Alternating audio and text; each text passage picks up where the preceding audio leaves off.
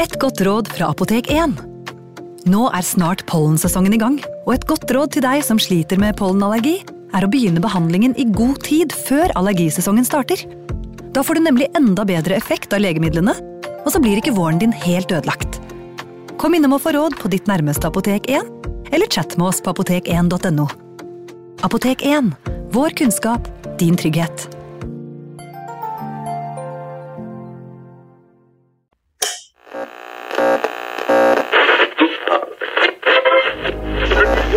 Vi skal gjenta særmeldingen i dag. Nummer én Kjerringa er galen. Nummer to På ski over lyng og kvast. Nummer tre Baklengs inn i aftensangen. Baklengs inn i aftensangen.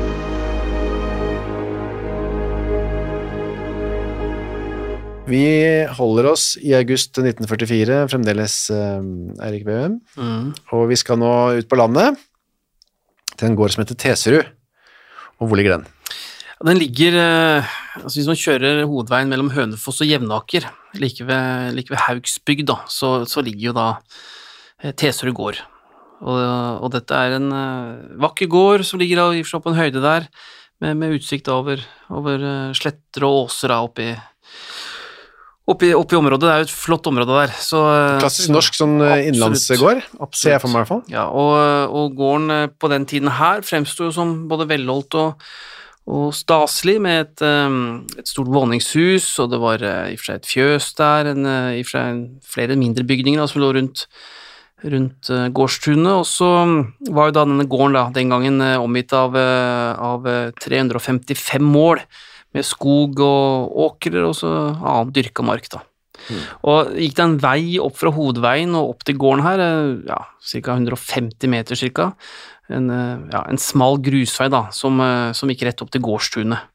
Og så var det også en, en hytte i nærheten her, hvor det, byg, hvor det bodde en, en tysk um, forvaltningsoffiser. Men, men gården var jo da i utgangspunktet eid av, av private. Ja, eh, men sommeren 1944 var det ikke noen private bønder som holdt til på Tesorgård, var det vel?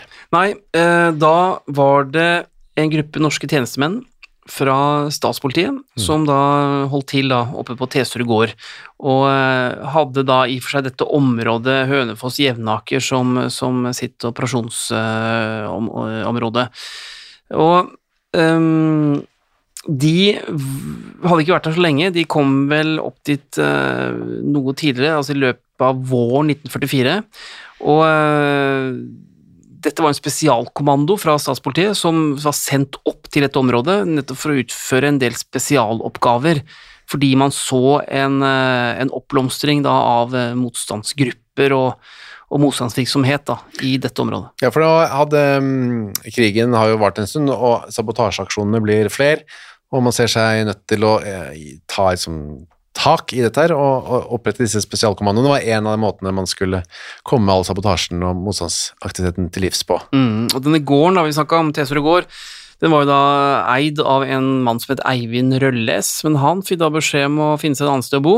Eh, For nå apropos, skulle- eh, unnskyld at jeg avbryter, men det er jo det samme som han fra Monrose het, men det var Ja. ikke den samme, Det, jeg husker også det navnet når jeg skrev det her, Ja. og um, for det er ikke så vanlig navn i Nei, men jeg fant ikke, og jeg lette i og for seg ikke veldig helt Nei. noen familie... Det kunne vært faren eller noe sånt. Det kunne det absolutt ha vært, eller uh, i hvert fall i slekt, eller i familie.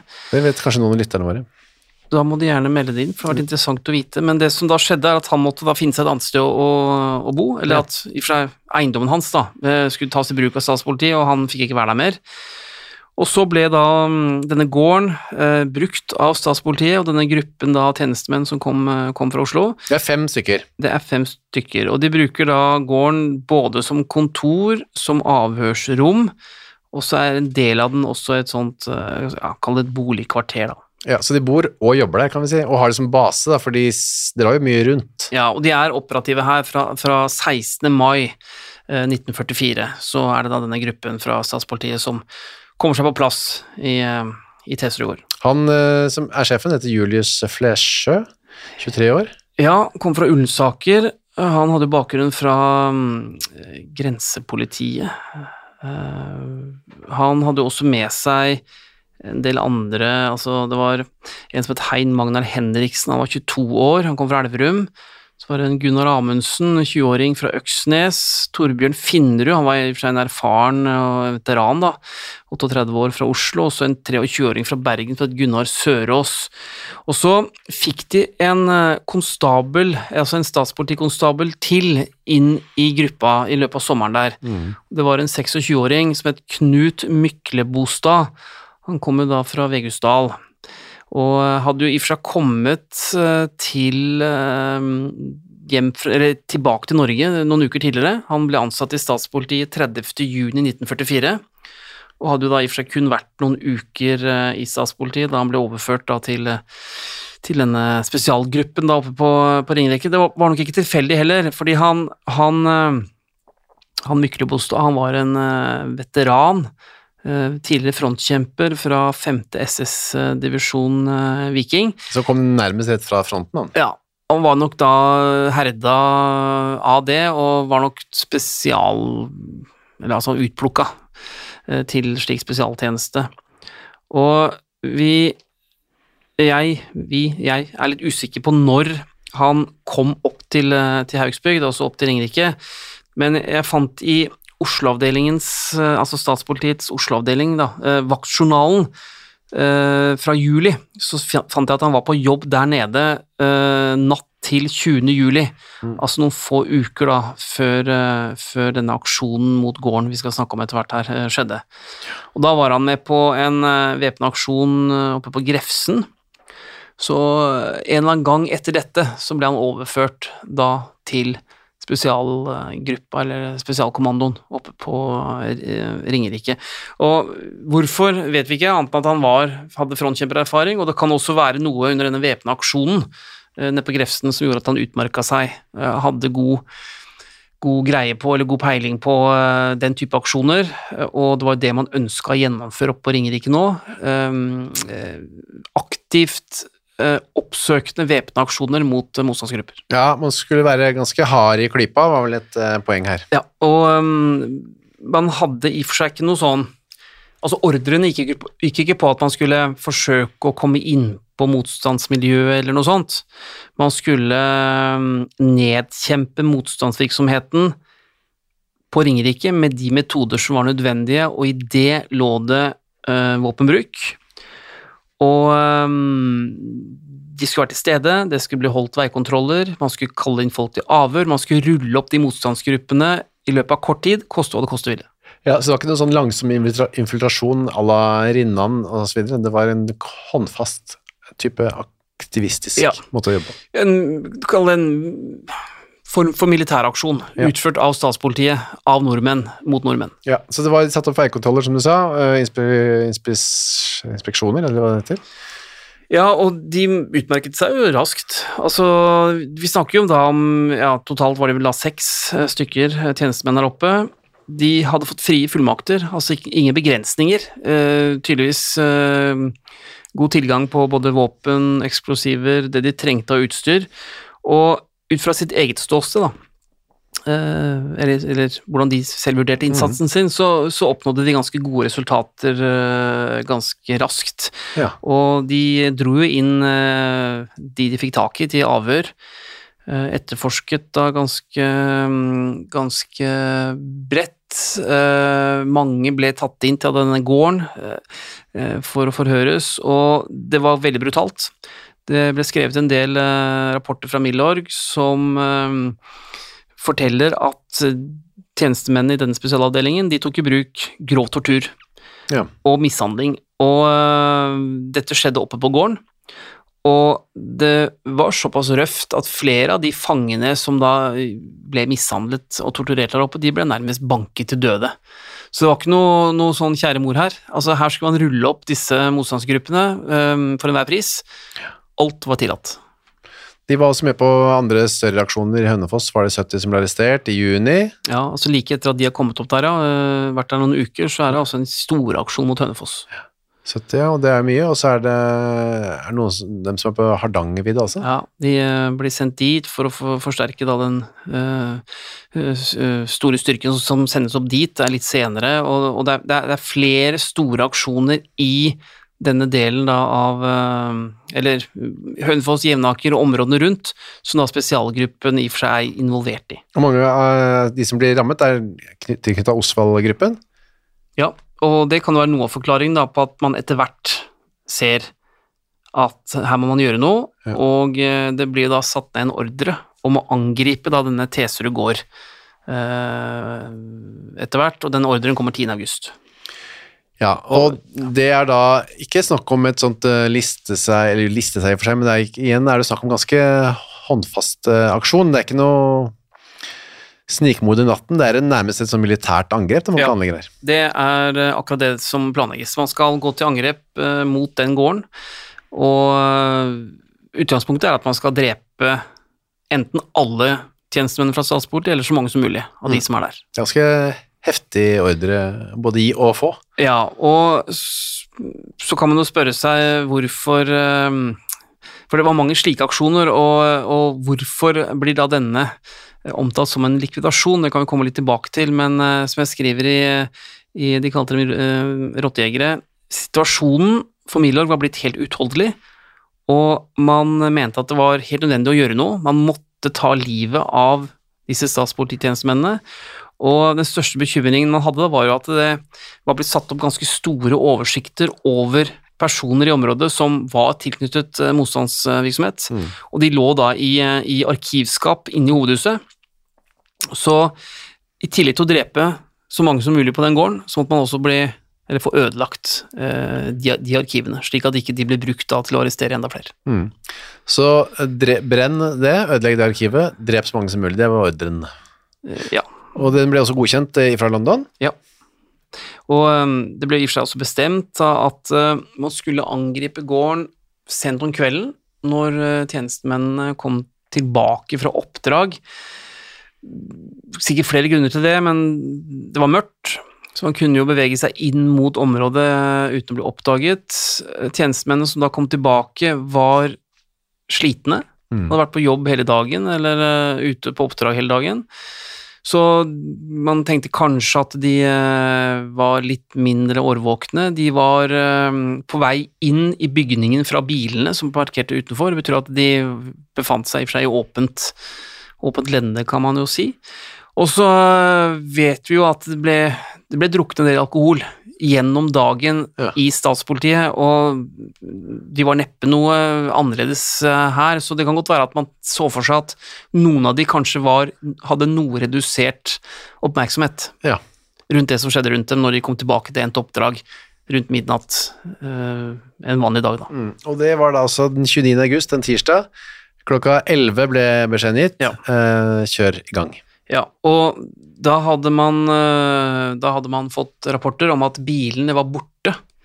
Det betyr at de var ute på oppdrag, og eh, det var det man Det var et slikt øyeblikk, eller en slik eh, Eller en slik Mulighet, mulighet da man, man eh, ventet på. Og det var heller ingen, sa de, noen indikasjoner på at det var noen fanger igjen i bygningen som, Nei. kunne, som kunne liksom lide, da. Nei, og da var ordren klar at man skulle da angripe, men i tillegg da eh, sprenge våningshuset og brenne opp eh, alt sammen. Mm. Og eh, det var da åtte mann som ble, ble plukket ut til, eh, til det oppdraget her. De hadde med seg to rifler, fire maskinpistoler, pis, andre pistoler, håndgranater og noen sånne brannflasker, og det kommer vi tilbake til, de brannflaskene. Ja, en form, ja, ja, en form for brannbomber, Ja. hjemmelagd. Hjemmelagd, det.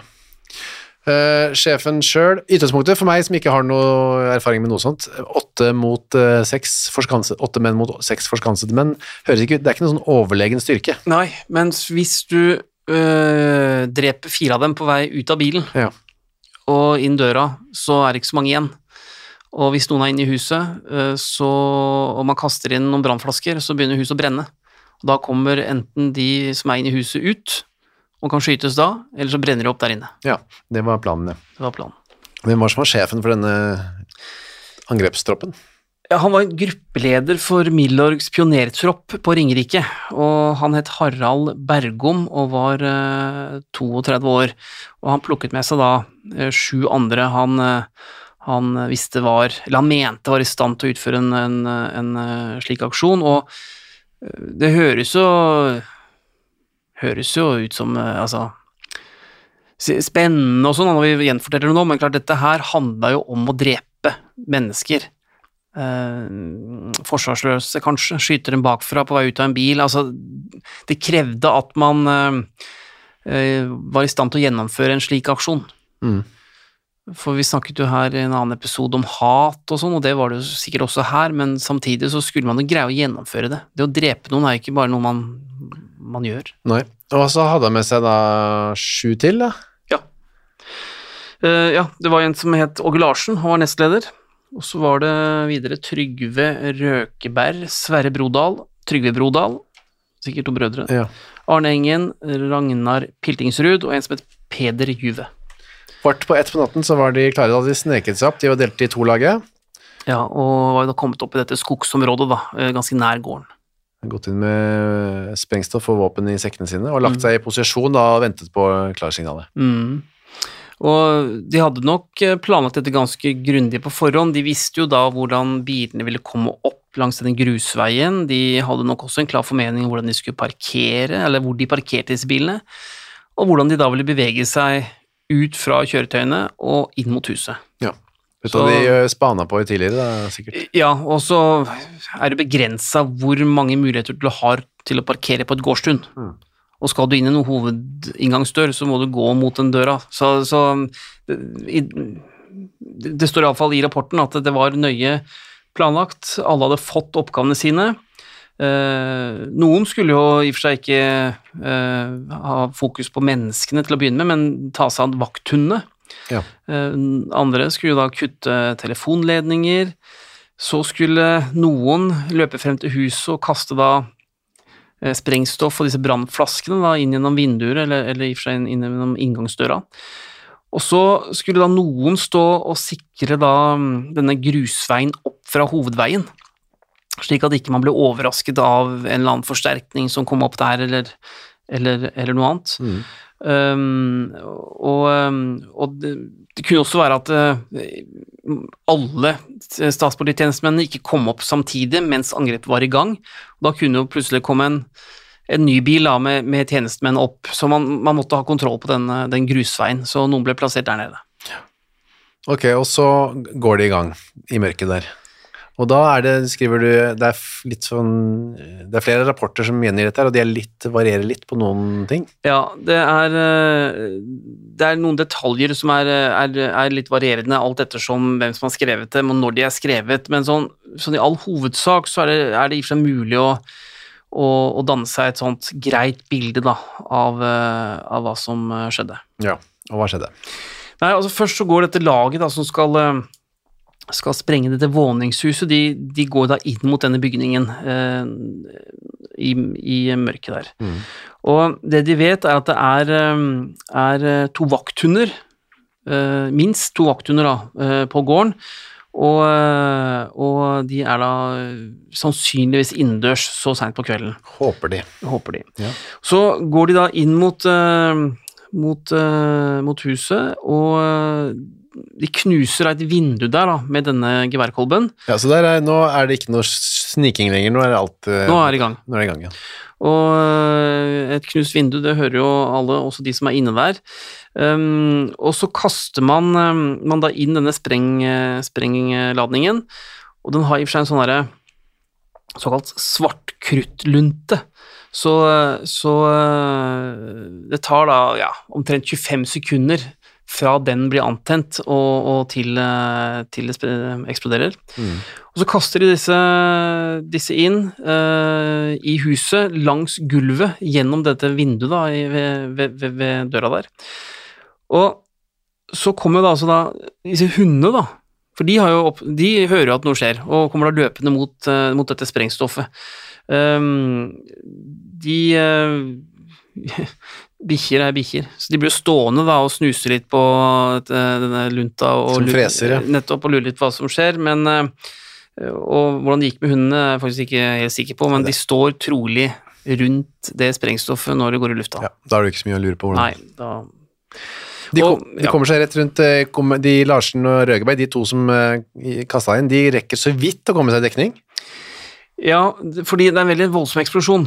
Og, og um, planen var jo også her nå at det skulle komme, altså at man skulle angripe eh, når eh, bilene var kommet til endt oppdrag, men man velger nå da å sette i gang før alle mannskapene er kommet tilbake. Ja. Og da har man gått bort fra å drepe hele styrken, men ta de som er i huset. Mm. Det gjør det lettere, da er de færre, eh, men man får ikke drept alle. Så, eh, så nå har de da valgt å i og for seg iverksette eh, uten at alle er på plass. Men eksplosjonen da er veldig kraftig. Det er jo sånn, som de sier etterpå, at eh, de løper da vekk fra denne bygningen, men det regner jo da byggematerialer og stein og grus og jord over dem mens de løper, så det må jo ha, ha smelt noe voldsomt. Ja. Og så ser de, når de snur seg, så ser de at en av disse statspolititjenestemennene, han er da blitt, blitt kasta opp gjennom huset, og ligger da oppå, eh, kall det da det som er igjen, eh, oppå noen takbjelker. Ja. Han ligger der og ja. Om han Ja. lever eller død, det vet jeg ikke. nei, det, det står det ikke noe om, annet enn at han har bare blitt kasta opp, men en som virkelig da gir lyd fra seg, det er han som har blitt eh, slengt motsatt vei, tydeligvis ned i kjelleren, Mm. og ligger der og skriker. Og, eh, og han er eh, da, som det står i rapporten, da åpenbart skadet. Ja. Um, og så begynner disse Milorg-karene da å, å gå tilbake mot uh, dette huset, og de skyter der hvor lyder kommer fra, og der hvor de ser det er noen som ligger. Mm. Så um, Det blir stille der. ja, etter hvert blir det stille. Og så, mens dette angrepet uh, pågår, da, da kommer tjenestebilen som er ute på oppdrag, Mm. tilbake. Så her kan man jo si at man valgte kanskje å sette det i gang litt for tidlig. Hadde man ventet litt, så kunne man fått alle opp og samlet på et sted, og kanskje da kunne drept uh, alle. Men uh, det skjer jo ikke. Det er klokka kvart over to, kommer de tilbake igjen. Ja, og man prøver jo å øh, Den bilen kan nok tydeligvis ha kommet litt overraskende på, selv om det var en sikring nede ved veien, fordi den kommer seg iallfall opp mot huset. Ja. Og noen prøver å kaste en håndgranat mot den bilen, men, øh, men det, det blir ikke særlig vellykket, og det ble skutt begge veier her. Eh, Men ingen av de tjenestemennene som nå har kommet, da, eh, ble, ble såret, iallfall ikke alvorlig. Nei. Ikke noen rapporter om det. Så her uh, gjorde man en feilberegning, og Ja. skulle nok ventet da noen minutter til de var kommet på plass igjen. De andre, det første laget, eller med Åge Larsen, de som kast, sprengte huset, de går tilbake mot huset sammen med to andre karer. Ja, og de har med seg disse brannflaskene, da. Ja. Eh, og- Nå skal de brenne opp dette huset. ja, det er, det er liksom neste del av oppdraget. Det er dette arkiv uh, som skal ødelegges. Absolutt. Og det, det, det, det de har skrevet i rapporten sin seinere, var at de trodde det var folk inne i huset nå som fortsatt var i live, Mm. men øh, det ble da, bestemt at de skulle da kaste inn disse flaskene med brennbar væske og, og, og brenne opp alt sammen. Ja. Og Også det, de som var der inne. det gjør de jo, kaster de inn, men det fun de funker ikke helt optimalt, de flaskene. Nei, øh, det er i og for seg kun én av flaskene da som tar fyr, eller væsken tar fyr, den andre blir bare liggende der, så, så det fungerer jo i og for seg ikke som det skal. Eh, Det de ser, er at det kommer nok en statspolititjenestemann krabbende ut av eh, det som er igjen da, av, eh, av, av huset, mens de holder på med, med, med, disse brannflaskene, og han, han skyter de, Mm. og han blir liggende livløs. Og så holder de på her, og øh, det er en trefningen da med disse som hadde kommet etter hvert, disse statspolititjenestemennene, og det pågår ca. en halv time alt sammen. Det høres lenge ut. Ja, øh, det må Ja, det er, det er lenge, i, i, i hvert fall når det, når det var en skuddveksling som pågikk. Men da trekker de seg etter hvert til, øh, tilbake. For da brenner det nok, syns de, Ja. da, i det huset. da, da har det tatt nok fyr til at de tenker at arkivet her blir ødelagt. Og uh, idet de kommer seg unna, så har det tydeligvis ligget en tjenestemann eh, i skjul eh, og gjemt seg, for når de kommer seg inn mot skogholtet, så ser de at det krabber frem en naken mann. Ja. Altså en statspolititjenestemann ut av uh, huset som da har tatt fyr. Eh, de prøver å skyte han òg, men, eh, men ingen av dem treffer. Naken mann forsvinner bare inn i skogen, da? eller- Eller ja, han, ja, eller han, eh, han blir muligens værende der, men, eh, men vi vet ikke noe mer om han, annet enn at eh, han ikke var Han, han, han overlevde. Overlevde, ja. Eh, ok, så da eh, trekker de seg tilbake, og så skal man liksom oppsummere litt da, etterpå. eh, for det gikk, en del av planen var jo å drepe så mange som mulig, og det var, ikke så bra med. Nei, det greide de ikke. Eh, overraskende mange av statspolititjenestemennene overlevde, overlevde her. Det er kun én som, eh, som eh, mister livet, og det er sistemann som kom til styrken. Altså 26-årige Knut Myklebostad fra Vegusdal. Han er den eneste som blir, blir drept. Og grunnen til at man har satt opp han som en likvidert må være at målet med aksjonen var å drepe Mm. eh, statspolititjenestemenn. Ja. Og det er nok derfor eh, navnet hans har blitt stående der, fordi det var en aksjon som i og for seg ikke handlet om å ta fanger eller eh, jage noen på flukt eller, eller drepe noen i en skuddveksling, som man kunne anta kom til å skje. Ja. Men her var målet å ta liv. Mm. Og da øh, har det nok da blitt vurdert som en likvidasjon. Han var en av de som, eller kanskje uh, står det i hvert fall, at uh, han var han som lå og skreik eh, etter eksplosjonen, første eksplosjonen der. Ja, det er jo flere egentlig de, de, de beskriver som de skjøt mot, men det er jo han nede i kjelleren som ligger og skriker, ellers kan det være han som de skjøt som kom krabbende ut. Ja, det kan også være den samme personen. Det kan også være den samme. Uh, han nakne til sist der, han er i neppe, for uh, han har de jo da eh, sagt at de ikke traff, og de som kom opp veien i, i bilen, litt sånn overraskende på, de er ikke rapportert blant de drepte, eller de fikk ikke, eller lettere skader, eller lettere såret. Ok, så den delen av aksjonen gikk ikke sånn kjempebra, men så var det det med dette arkivet, da. Ja, og det ble det ble et vellykket eh, Altså, det, det, det ble vellykket. Det brant opp. Det, det brant opp. Alt, eh, alt av materialet, hele arkivet, arkivskapene, alt av dokumentasjon som statspolitiet da hadde der oppe, det, det ble ødelagt. Altså, det brant opp. Og sånn sett var det vellykket, og så var det disse to hundene, stakkar. De døde nok også da. Ja. Så de kan man også si ble Likvidert. ble likvidert. Ja. Ok, så var det Knut Myklebostad, veteranen fra østfronten. Han ble sendt hjem og begravet i Vegusdal. Ja, 5. september da, 1944 så, så ble han gravlagt på eh, kirkegården ved Vegusdal kapell. Og var det et sånt minneord som ble trykket? Ja, det var jo da kollegaen hans i statspolitiet da, som hadde, hadde skrevet et minneord om ham. Um, langt i og for seg, men uh, han Og der står det jo at Knut Myklebostad er falt på sin post på heimefronten. Ja. Det gikk som et sting gjennom oss, dine kamerater og kollegaer. Det høres så utrolig ut at vi ikke riktig kan fatte at det er sant. Vi kan ikke tro det, Knut.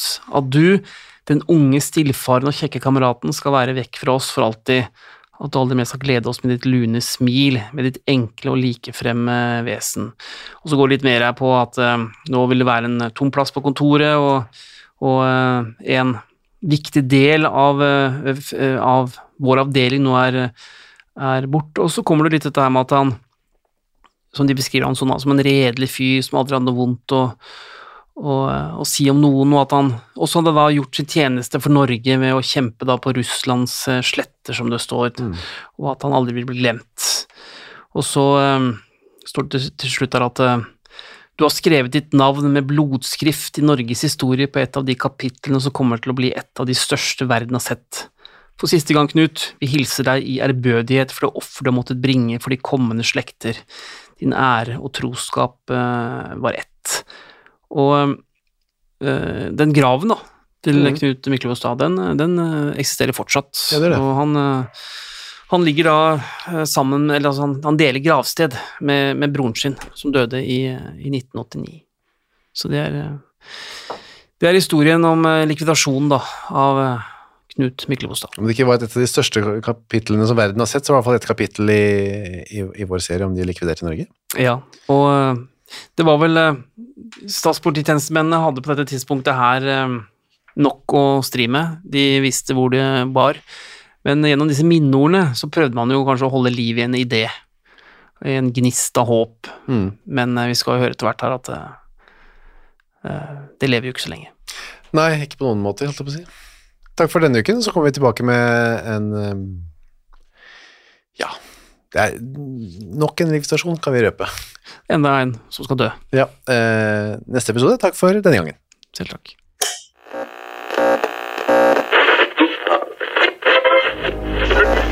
Vi skal gjenta særmeldingen i dag. Nummer én Kjerringa er galen. Nummer to På ski over lyng og kvast. Nummer tre Baklengs i aftensangen. Baklengs i aftensangen.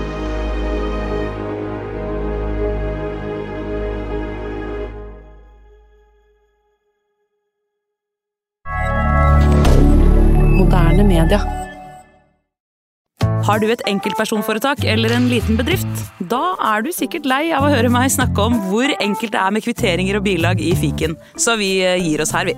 Fordi vi liker enkelt. Fiken superenkelt regnskap.